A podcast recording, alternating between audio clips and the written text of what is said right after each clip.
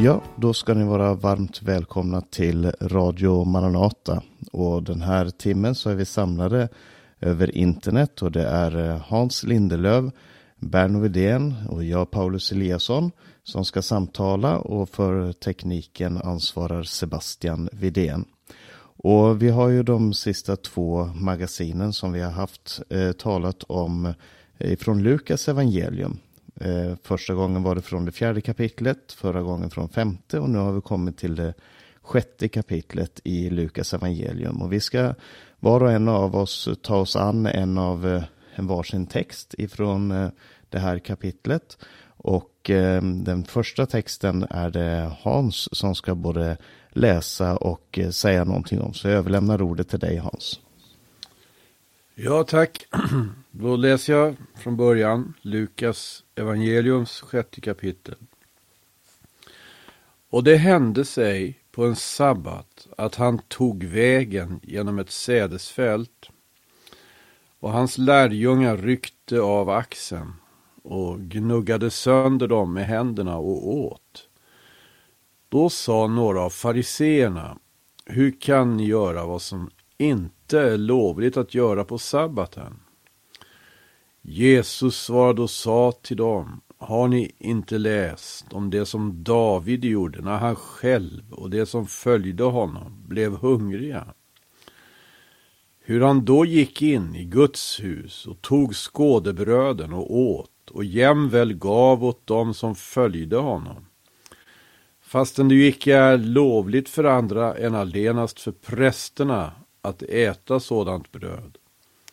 Därefter sa han till dem, Människosonen är Herre över sabbaten. Ja, det var, det var ett uttalande därför att sabbaten hörde ju till det som Mose hade stadgat om. Liksom han hade stadgat om helgedomen och allting som hörde där till. Men om vi ska titta lite på sabbatsbudet då. Så har vi ju dels i Andra Moseboks 20 kapitel där de tio budorden, eller de tio orden rätt och slätt, finns. Och jag kan läsa där ifrån vers 8 då. Det är ett av budorden nämligen. Tänk på sabbatsdagen så att du helgar det.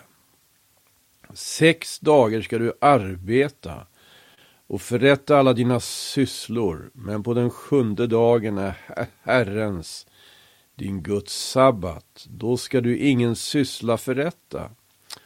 Ej heller din son eller din dotter, ej heller din tjänare eller din tjänarinna, eller din dragare, ej heller främlingen som är hos dig, inom dina portar.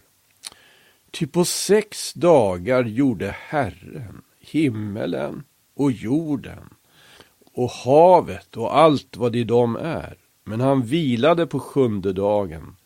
Därför har Herren välsignat sabbatsdagen och helgat den. Det var någonting då med sabbaten förstår vi. Nu säger Jesus att Människosonen är Herre över sabbaten. Sabbatsbudet finns också medtaget i femte Mosebok, där också i det femte kapitlet vi kan läsa alla de tio budorden, inklusive sabbatsbudet. Det är i stort sett lika formulerat som i kapitel 20 i andra Mosebok, med en viss skillnad då. Sista versen där, som vi läste i andra Mosebok så, så heter det att på sex dagar gjorde Herren himmelen och jorden och havet och så vidare. Den är annorlunda formulerad i femte Mosebok därför där står det Du ska komma ihåg att du själv har varit en träl i Egyptens land och att Herren din Gud har fört dig ut därifrån med stark hand och uträckt arm. Därför har Herren din Gud bjudit dig att hålla sabbatsdagen. Så det var två alltså sidor av eh, två sidor av eh, förklaringen till det här budet. Den förklar, själva sabbatsbudet förklaras på ett sätt i Andra Mosebok, på ett annat sätt i Femte Mosebok. I Andra Mosebok förklaras det med att Guds arbete fullbordas. Guds arbete fullbordas. Men i Femte Mosebok förklarades det med att människans slaveri upphör. Det är, eh, det är oerhörda sidor som det här budet har. Och det är verkligen givet. Det är en stor välsignelse. Det vittnar om Guds verk. Det, det vittnar också om befrielsen. Det vittnar om Guds verks som fullbordas. I och med att Gud vilar. Det vittnar också om befrielsen från slaveriet som Israels folk erfor i Egypten. Men nu säger Herren Jesus så. Därför att det var ju sabbatsbud det handlade om. Och han ger ju en enormt intressant eh, förklaring till varför han ser det som helt acceptabelt att hans lärjungar gnuggar sönder ax och äter. Jag, vill, jag går inte in i den förklaringen nu utan jag tänkte bara just uppehålla mig lite grann vid själva sabbatsbudet. Och och vad, vad det här att människosonerna är helt enkelt revolutionerande. Hur skulle människosonen kunna vara herre över sabbaten när sabbaten fullbordar? När sabbaten fullbordar Guds skapelseverk. Jo, det finns nämligen, om det skulle vara så. Vi läser om de olika skapelsedagarna i, fem, i första Mosebok. Vi läser att eh, Gud skapar i tur och ordning ljus och mörker. Han skapar havet och det torra. Han skapar himlaljusen. Han skapar växterna. Han skapar djuren på sjätte dagen. Och det skapar människan. Och på sjunde dagen fullbordar han sitt verk. Ja, hur ska Människosonen kunna vara herre över sabbaten då? Om sabbaten fullbordar Guds verk och människan ingår i detta. Jag undrar om inte här också finns en viss förklaring att vi ser lite mer och vad skapelsen av människan utvecklas ju i även kapitel 2 i första Mosebok. I kapitel 1 ser vi människans skapelse liksom i följdordning med att allt annat skapas. Men i kapitel 2 så går så går själva skriften människan närmare in på livet och presenterar ytterligare några tankar med det här att människan skapas. Och jag tror att i, i det här perspektivet så kommer vi att kunna förstå det här att människosonen är herre över sabbaten.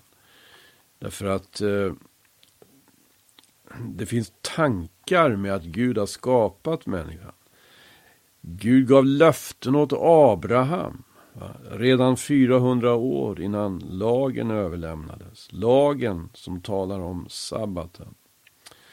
Sabbatsbudet som talar om dels att Guds verk fullbordas, dels att människans slaveri upphör. Det är också ett arbete för Gud som fullbordas i och med försoningsverket. Och Jesaja får ju med det på ett väldigt fint sätt om vi ser Jesajas 43 kapitel. Jag läser från 22 versen. Men icke har du Jakob kallat mig hit i det du har gjort dig möda för min skull, du Israel. Icke har du framburit åt mig dina brännoffers får eller ärat mig med dina slaktoffer. Icke har jag vållat dig arbete med spisoffer, ej heller möda med rökelse. Icke har du köpt kalmus åt mig för dina penningar eller mättat mig med dina slaktoffers fett. Nej, du har vållat mig arbete genom dina synder och möda genom dina missgärningar. Jag, jag är den som utplånar dina överträdelser för min egen skull och dina synder kommer jag icke mer ihåg. Här kommer det här in med Människosonen som är herre över sabbaten. Därför genom honom, genom Människoson, genom Jesus Kristus fullbordar ju Gud inte skapelseverket bara, utan dessutom försoningsverket. Och det läser vi ju vidare om när vi läser vidare i Lukas evangeliet. Tack för mig. Ja, tack ska du ha för de tankarna. Och eh, det är också nästa text här. Jag tänkte på det att eh, som texten fortsätter härifrån. Du läste fram till den femte versen. Men från vers 6 till eh, så handlar det också om den här konflikten mellan Jesu förståelse av sabbaten och eh, eh, de människorna som man hade omkring sig. Det var då Jesus gick in i en synagoga på sabbaten och undervisade. Och där var en man vars högra hand var förtvinad. Och de observerade Jesus för att se om det fanns någonting de kunde anklaga honom för. Eh, och Jesus helar den här mannen.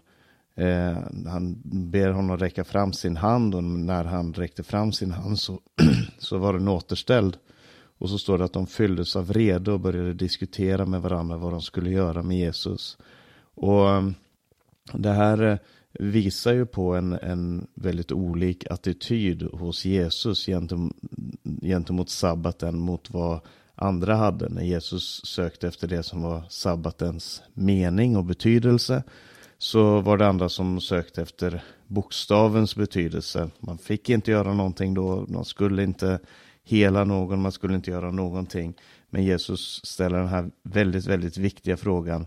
Jag frågar er, är det tillåtet att göra gott på sabbaten eller att göra ont, att rädda liv eller att döda? Och det var ju Jesus stora mission det här, att rädda liv.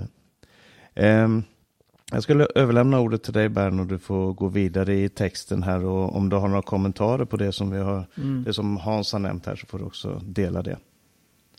Ja, det jag tänker på är, det, det står ju här, människosonen är sabbatens herre.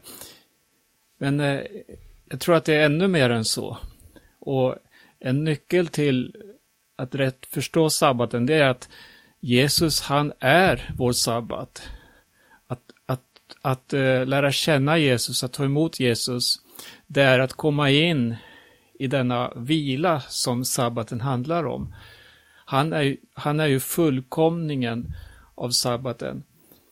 Just sabbatsbudet har ju vållat många stridigheter under eh, kyrkans historia. Det har skapats samfund med olika syn just på sabbaten, hur man ska hålla sabbaten och så vidare.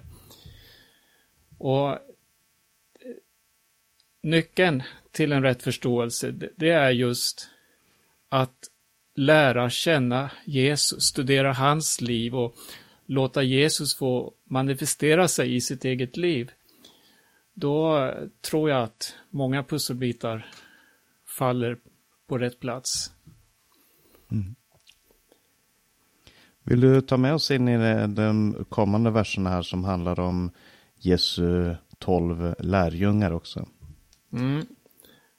Ska vi läsa ifrån den tolfte versen. Vid den tiden gick Jesus upp på berget för att be och han var hela natten i bön till Gud. När det blev dag kallade han till sig sina lärjungar och valde ut tolv av dem som, kallade, som han kallade apostlar. Simon, som han också gav namnet Petrus, hans bror Andreas, Jakob och Johannes, Filippus och Bartolomeus, Matteus och Thomas, Jakob, Alfeus son och Simon som kallades Seloten, Judas, Jakobs son och Judas Iskariot, han som blev förrädare. Eh, man ser ju här att Jesus hade flera lärjungar än de här tolv. Men bland alla sina lärjungar så valde han speciellt ut de här tolv. Och de blev också, vad ska man säga, en grund för församlingen och för, för just missionsbefallningen och att bygga upp församlingen, det vi kan läsa om i Apostlagärningarna och framåt. Och sen när vi läser, kommer till Uppenbarelseboken till eh, mot slutet där av den. Och vi läser om det nya Jerusalem. Och då kan vi också se att stadsmuren hade tolv grundstenar. Och på dem stod de tolv namnen på Lammets tolv apostlar. Det här är ju eh, en oerhörd bild och så, eh, så ger också en oerhörd, vad ska man säga, eh,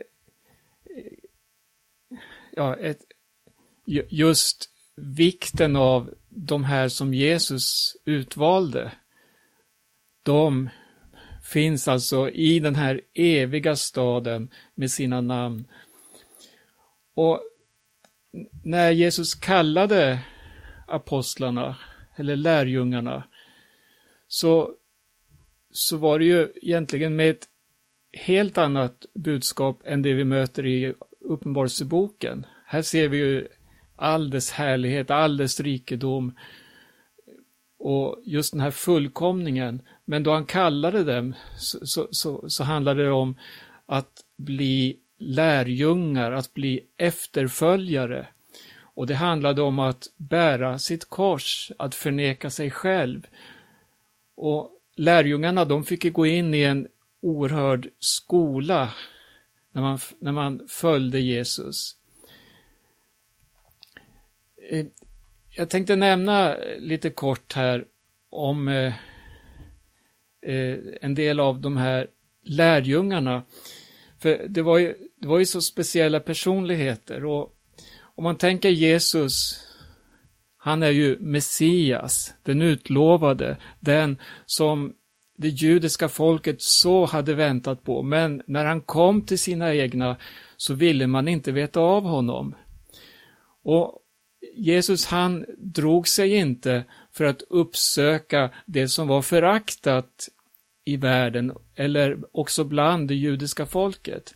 Man ser på hans lärjungaskara, de var ju galileer nästan allihopa, förutom Judas Iskariot då som var från Judeen. Han eh, var ju den som förrådde Jesus. Andreas, exempelvis, han var Petrus bror. Och han var ju fiskare från Betsaida och Kapernaum. Och han var ju också den som fick föra Petrus till Jesus. Och man kan se i hans liv hur han hade som kanske en speciell kallelse, just det här att föra andra människor till Mästaren. En egenskap som också växte fram eh, allt eftersom tiden gick och han vandrade tillsammans med Jesus. Sen har vi eh, Bartolomeus, eller Natanael, som han också benämns han eh, finns också med i den här listan då bland lärjungarna.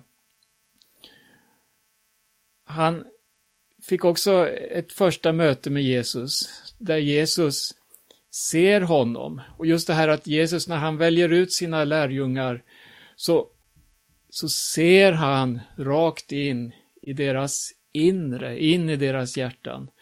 Och Jesus han fick se Natanael och, och säger om honom att han är en sann israelit och i honom finns ingen lögn.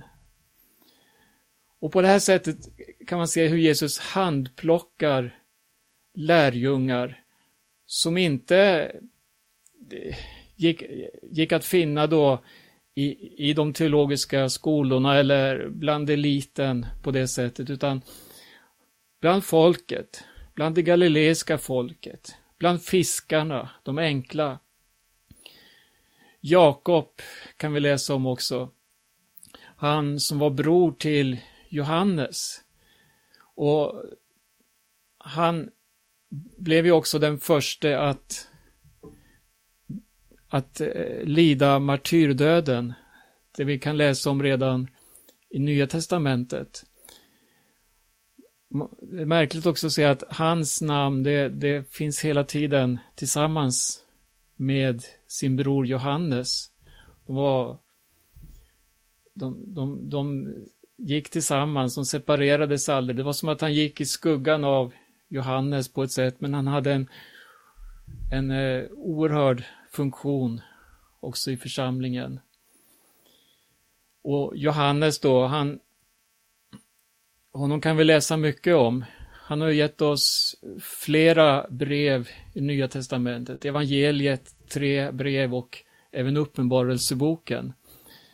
Känd som den älskade lärjungen, eller som han skriver själv i evangeliet, den lärjunge som Jesus älskade. Och som fiskare som bodde vid Kapernaum. Och han var en lärjunge som fanns med i den här inre kretsen av lärjungar. Han fick ju, eh, till skillnad mot övriga lärjungar, där samtliga av dem fick lida martyrdöden på de mest grymma sätt. Så skillnaden med Johannes här, det var att han fick ju visserligen lida. Han eh, fick utstå väldigt mycket och han blev ju också förpassad till ett arbetsläger på ön Patmos där han fick hugga sten i en gruva. Men eh, han överlevde detta. Och där på ön så fick han ju ge oss Uppenbarelseboken som har varit till så stor hjälp för kristna i alla tider och som hjälper oss att hålla ut, som hjälper oss att se framåt mot de löften som Gud har gett och som visar oss på vart den här världen är på väg, men att Guds rike är det som består. Han överlevde och eh, alla dessa plågor och dog så småningom en naturlig död. Jag tänker på Judas eh, Iskariot också som Jesus valde ut till en av sina lärjungar. Och det kan vara lite svårt att förstå hur, hur kunde Jesus välja ut denne Judas som sedan förrådde Jesus för 30 silverpenningar. Han var en jude och de övriga var galileer. På något sätt så, så ser man hur Judas, han var en, en nationalist kanske och han följde Jesus med hoppet om att genom Jesus få eh, sina drömmar uppfyllda och hur de här planerna skulle kunna förverkligas. Men så, så såg han också hur allting gick fel väg, inte som han hade tänkt sig. Och på något sätt ville han eh, rädda sig själv i den här situationen och komma tillbaka in med högburet ansikte in i det judiska samhället. För han förstod att den väg Jesus hade kallat, den skulle inte vara så enkel. Den skulle leda till mycket svårigheter, till förföljelse. Men hur som helst, han sålde Jesus och därefter gick han och hängde sig, kan vi läsa. Det här var eh, en väldigt dyster händelse bland Jesu lärjungar. Men vi ska också komma ihåg att det var ändå inte just Judas förräderi som förde Jesus till korset, utan det var ju faktiskt våra synder som Jesus bar. Så här kan vi läsa om flera av lärjungarna. Och det, det, det, det är väldigt gripande att läsa de här berättelserna om hur dessa så olika personligheter förenas och formas tillsammans under Jesu ledarskap. Och så blir man det som Jesus sa, människofiskare. Jag tror jag nöjer mig med de här så länge, som jag har nämnt här. Ja, tack ska du ha. Spännande eh, livsberättelser om, om de lärjungarna som både hade en väldigt eh, unik plats i, i den kristna historien. Som, precis som du nämner så nämns de ju Johannes uppenbarelse som de tolv grundstenarna i, i det nya Jerusalem. Eh, men det finns också någonting allmängiltigt i det här eh, kallelsen ifrån Jesus till att bli en, en lärjunge, en efterföljare. Jag får fråga dig Hans också om du har några kommentarer på det här som vi har läst, eh, som Berno har läst med oss nu, innan vi går vidare på nästa text. Ja, en utmaning är ju faktiskt att tänka på vem som då tog Judas plats. Det står ju att de tog itu med den frågan ganska tidigt och genom lottdragning utvaldes ju en som heter Mattias va? i Apostlagärningarnas första kapitel. Men, men också det här, det, det, är ju, det är ju märkligt då hur skör den kristna församlingen ifrån början är. Med denne eh, förrädare va? mitt ibland lärjungarna. Och, men det talar ju också om vad har vi för styrka? Vad har den kristna församlingen för styrka utom Jesus själv? Det är han som är klippan. Det är han som är som Jesaja, eller som Sakarias profetia säger tror jag är eh, eh, en, så att säga, eh, ja, jag får kanske leta fram det ordet. Ja.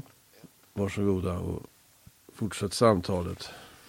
Ja, men jag kan ju nämna det också att eh, när jag tänker på, på Judas Iskariot och, och, hans förräderi så är det intressant att se hur Jesus nämner här att, eh, eller hur det står i Johannes evangelium, att han älskade sina lärjungar och han älskade dem ända till slutet. Och, eh, och det står också om Judas Iskariot väldigt ofta att han var en av de tolv. Det finns en, en längtan i, i evangelierna och hos Jesus efter den här mannen som gick en så förfärlig, som förfärligt öde till mötes. Men det fanns hela tiden den här längtan ifrån Guds sida eh, efter Judas. Och, och, vi vet ju också att andra som, som både förföljde Jesus, eh, lärjungar så som aposteln Paulus gjorde, som förnekade Jesus så som eh, aposteln Petrus gjorde, eh, fick komma till honom och fick uppleva försoning och, och räddning. Men eh, eh Judas kallas ju för en fördärvesman. Har du hittat det här bibelstället Hans? Ja, det var alltså ifrån Sakarja då. Det står ju att Herren ska vårda sin, sig om sin jord i tionde kapitlet. Och i vers fyra där. Från den jorden ska en hörnsten komma, från den en stödjepelare, från den en båge till striden, från den allt vad styresman heter. Och det är ju ett ord som gäller vår frälsare Jesus. Amen. Så om vi går vidare här i texten då så kommer ju det som är ett parallellställe till eh, Jesu bergspredikan i Matteus 5, 6 och 7. Men här är en betydligt kortare predikan och det sägs att Jesus stannade på en slätt, står det i 17 versen. Eh, och han helade människor där och så såg han sina lärjungar och började förkunna där. Och så har vi de här saligprisningarna som vi också finner i Matteus evangelium. Och sen V-rop som eh, i Matteus evangelium är placerade senare. Men eh, den texten som jag tänkte att vi skulle läsa tillsammans eh, som sista text idag, det är från vers 27 till 38. Där står det så här, och det är Jesus som talar då och säger så här. Men till er som lyssnar säger jag, älska era fiender och gör gott mot dem som hatar er. Välsigna dem som förbannar er och be för dem som förolämpar er. Om någon slår dig på den ena kinden, vänd då också den andra kinden till. Och om någon tar ifrån dig manteln, så låt honom ta tunikan också. Ge åt alla som ber dig, och om någon tar det som är ditt, så kräv det inte tillbaka. Så som ni vill att människorna ska göra mot er, så ska ni göra mot dem. Om ni älskar dem som älskar er, ska ni ha tack för det. Även syndare älskar dem som visar dem kärlek. Och om ni gör gott mot dem som gör gott mot er, ska ni ha tack för det. Även syndare gör samma sak. Och om ni lånar ut till dem som, hoppas, som ni hoppas ska ge tillbaka ska ni ha tack för det. Även syndare lånar ut till syndare för att få lika tillbaka. Nej, älska era fiender och gör gott och låna ut utan att hoppas att få något igen. Då ska er lön bli stor och ni ska bli den högstes barn, för han är god mot de otacksamma och onda. Var barmhärtiga så som er far är barmhärtig. Döm inte så blir ni inte dömda. Fördöm inte så blir ni inte fördömda. Förlåt så blir ni förlåtna. Ge så ska ni få. Ett gott mått, packat, skakat och rågat ska ni få i er famn. Med det mått som ni mäter med ska det mätas upp åt er. Och det här är ju eh, verser då som är eh, ganska välkända. Det finns ju bland annat den här det som kallas för den gyllene regeln i vers 31. Så som ni vill att människorna ska göra mot er så ska ni göra mot dem. Jag har också mött ateister, icke-troende som vet om det här att man, det står att döm inte så ska ni inte bli dömda. Eh, och eh, älska era fiender och så vidare. Det här är väldigt välkända verser och det finns ju en risk med verser som man texter och uttalanden som man känner väl igen att man inte reflekterar över dem, att man inte stannar upp inför dem. För det här har man hört och det här kan man. Men jag tycker det första som man kan lägga märke till i den här förkunnelsen, det är att eh, även om Jesus kan verka naiv, och jag har hört många säga att ja, men Jesus är väldigt naiv när han säger de här sakerna. Han eh, säger att man ska älska och att man ska göra gott och välsigna och be och ge och inte kräva tillbaka och så vidare. Eh, så kan man inte göra i den här världen, säger många. Man kan inte, man kan inte leva på det sättet. Men Jesus är verkligen inte naiv. För det första så kan man lägga märke till att han, han utgår ifrån att det ska finnas fiender. Han säger inte älska era goda vänner, han säger älska era fiender. Och det utgår ifrån att det finns fiender. Gör gott mot de som hatar er. Han räknar alltså med att människor ska hata. Välsigna de som förbannar er. Det är till och med människor som ska förbanna eh, hans lärjungar och be för dem som förolämpar er.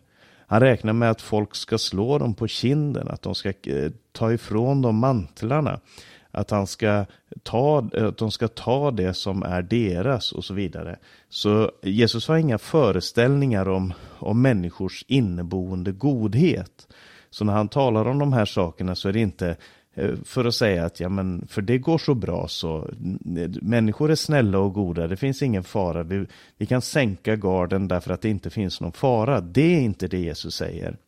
Utan eh, det han säger är, och det han, det han önskar är att eh, då, lärjungarna ska vara med och skapa en ny värld.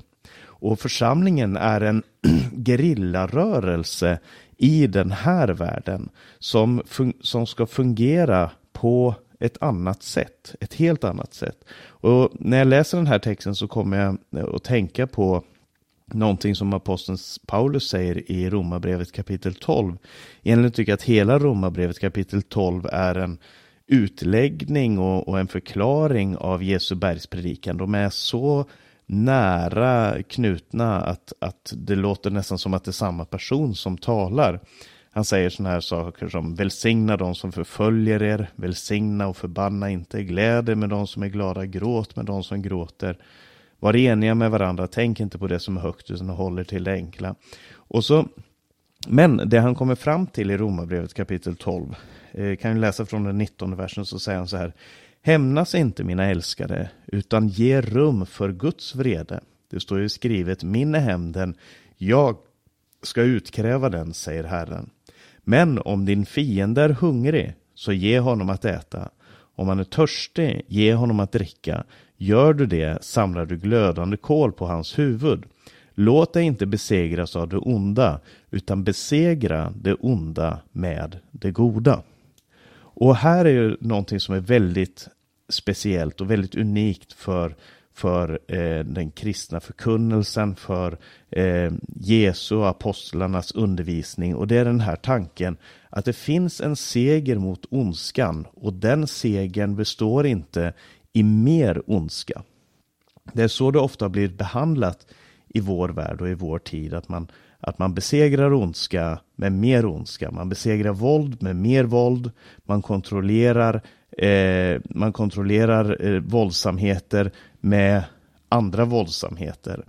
det är den här sättet, eh, världens sätt att hantera eh, eh, konflikter och så vidare. Men det finns en annan väg och den vägen är besegra det onda med det goda.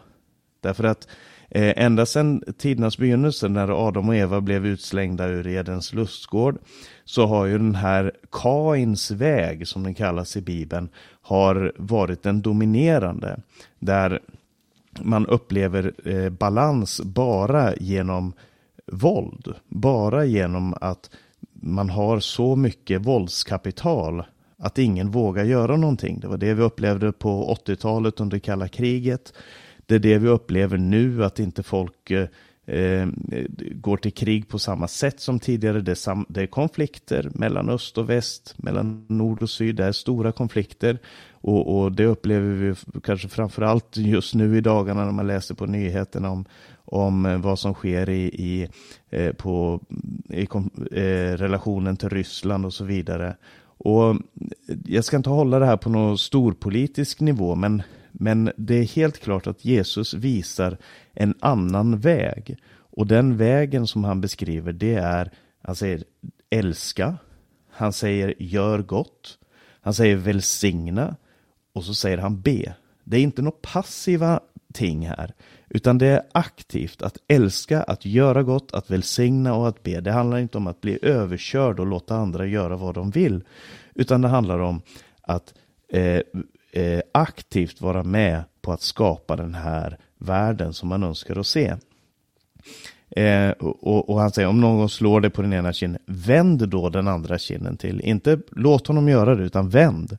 Om någon tar ifrån dig manteln, står det inte låt honom göra det, utan låt honom ta tunikan också. Ge åt alla som ber dig. Om någon tar det som är ditt, kräv det inte tillbaka. Det är eh, utgångspunkten i den här texten. Och eh, det är en annan sorts självförsvar med ett aktivt motstånd som inte består i att möta ondskan med ondska, men att möta ondskan med det goda. Eh, I vers 31 så står det så som ni vill att människor ska göra mot er, så ska ni göra mot dem. Och det är en välkänd vers, gyllene regeln. Men det man kanske inte tänker på är att det här går ända tillbaka till eh, den tid då, mm, som, som jag nämnde om Kain, då han eh, fick den här eh, förbannelsen över sig så säger också Gud Kain ska bli hämnad sju gånger. Och den här hämnden genom generationerna så ökar och ökar och ökar den här hämnden fram till Lemek som säger att han blir hämnad 70 gånger. Så, så eh, det finns inte den här tanken, det, det du vill att andra ska göra mot dig ska du göra mot dem. Utan tanken är, om du slår mig så dräper jag dig. Om du gör lite mot mig så gör jag mer mot dig för att stoppa dig från att, eh, att eh, göra någonting mer. Eh, det, det är sättet som världen hålls i schack. Och så är det idag, även om vi känner oss mer civiliserade, så är det så det fungerar. Militärt, ekonomiskt, politiskt, socialt, så är det det här som är sättet. Men Gud visar oss ett annat sätt och det är det som är det stora. I vers 35-36 så säger han så här. Eh, Älska era fiender, gör gott och låna ut utan att hoppas att få något igen. Då skall er lön bli stor och ni, ni ska bli den högstes barn. För han är god mot de otacksamma och onda. Och ingenting är svårare än att hjälpa otacksamma människor. Det vet alla som har försökt, varit engagerade i ett hjälparbete. Att, att försöka hjälpa människor som inte visar tacksamhet. Då, då känns det som att man psykologiskt inte får någon lön för mödan. Och det ska man heller inte få. Alltså det är inte det att jag säger att människor inte ska vara tacksamma.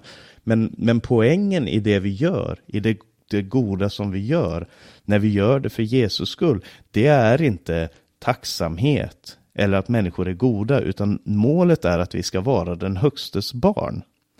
Det, det, är det som är vår utgångspunkt. Se vilken kärlek Fadern har visat oss att vi får kallas hans barn. Och det är vi också, säger Johannes i första Johannes kapitel 3. Eh, vi är vår fars imitatörer. Och han älskade oss, säger Paulus, aposteln Paulus, medan vi ännu var syndare. Han älskar den ofattbara kärleken som finns, som Gud har Eh, gjutit ut i oss, den älskade han oss med medan vi fortfarande var syndare. Så lösningen på det här, och jag, många behandlar Jesu bergspredikan och slättpredikan i Lukas kapitel 6 som en slags eh, moralpredikan där Jesus önskar att nu, nu, får, säger liksom, nu får ni skärpa er, gör så här, lev så här så ska ni bli frälsta. Men enda lösningen, det är ju att se på Gud. Det är att se på den korsfäste. Och när vi ser den korsfäste och det han har gjort för oss, hur högt han har älskat syndare, sina motståndare, de som hatade honom, då är det inte bara det att det här eh, blir mindre svårt eller blir mindre komplicerat. Då blir det det naturliga livet. Det naturliga livet för en människa som har kommit till Jesu Kristi kors, sett det han har gjort för oss där, blivit berörd av det, verkligen fått se det. Det, det naturliga livet för den människan, det är att leva det här nya livet i Gud.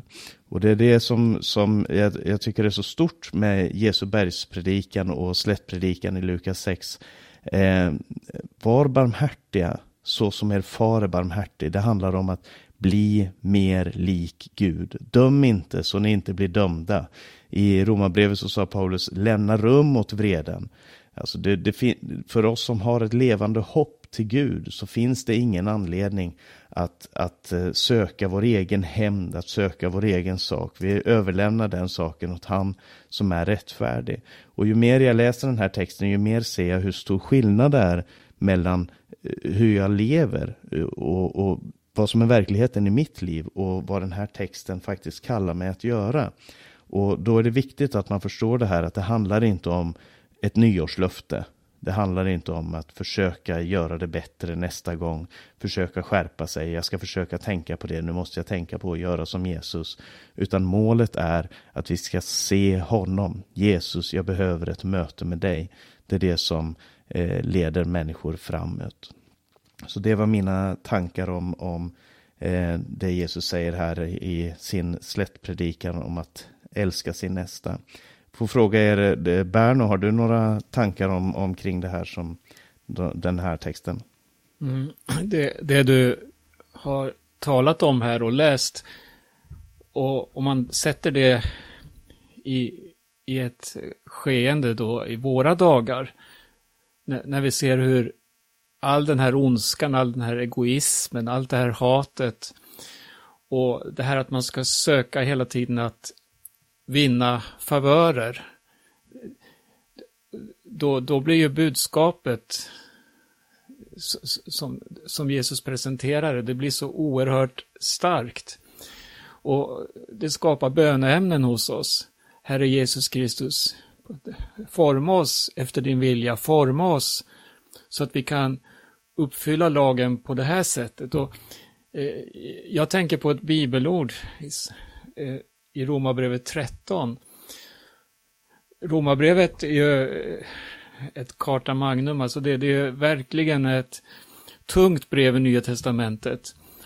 Och här i 13 kapitlet så skriver Paulus just om kärleken. Var inte skyldiga någon något utom i detta att älska varandra. Den som älskar sin nästa har uppfyllt lagen. Och kärleken gör inte sin nästa något ont, alltså är kärleken lagens uppfyllelse. Och sen sätter han det här i, i ett profetiskt skeende, i det som handlar om den här tidens slutperiod. Alltså, det står i vers 12 så här, natten går mot sitt slut och dagen är nära. Och då, låt oss därför lägga bort mörkrets gärningar och ta på oss ljusets vapenrustning. Och så kommer det här igen, låt oss leva värdigt. Som på dagen. Alltså, just det här att ständigt, ständigt söka göra det som är gott, men med Jesus i centrum. Ständigt peka på Jesus, se hur han har undervisat i bergspredikan, se hur han har kallat lärjungar och format dem och gett dem nya sinnen. Och min bön är just detta, Herre, fyll oss med ditt sinne. Låt oss få ha ditt sinne i förhållande till vår omvärld, till människor runt omkring oss. Så att vi får ikläda oss Herren Jesus Kristus i allt.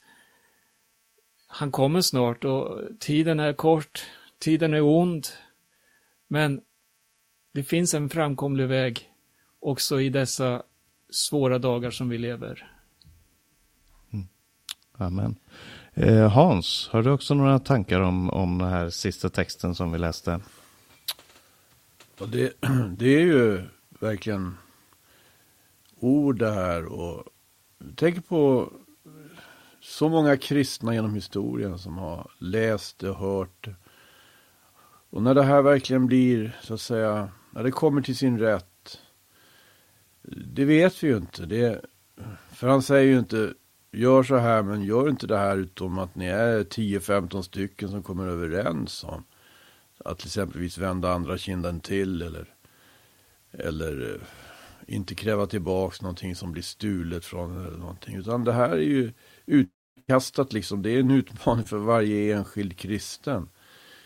Och alltså, när den kritiska situationen kommer. Va, eh, då den kristne faktiskt håller fast vid det här. Vad dyrbart. Det vet vi inte, vi ser inte in i allt det, men han ser in i det.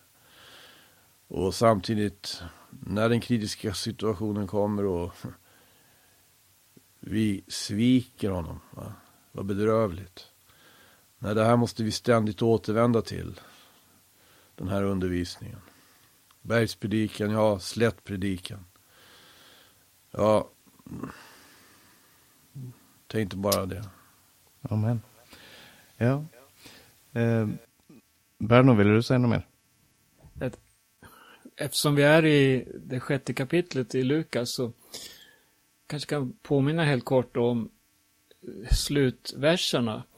Mm. För Jesus, han ger ju en bild här på vad det handlar om då när vi gör det han säger. Det är som att bygga ett hus och, gräva djupt och ha en grund på klippan. Och det huset kommer att stå. Men den som inte hör och inte handlar är som en man som byggde ett hus på marken utan grund. Och då, när floden kommer och vräker mot huset, så rasar det och förödelsen blev stor för det huset. Det gäller att ha blicken fäst mot slutmålet. Det gäller att se framåt och inte fastna i det här materiella, fastna i den här världens tänkesätt, utan se vad är det som är bestående, vad är det som är evigt. Amen. Amen.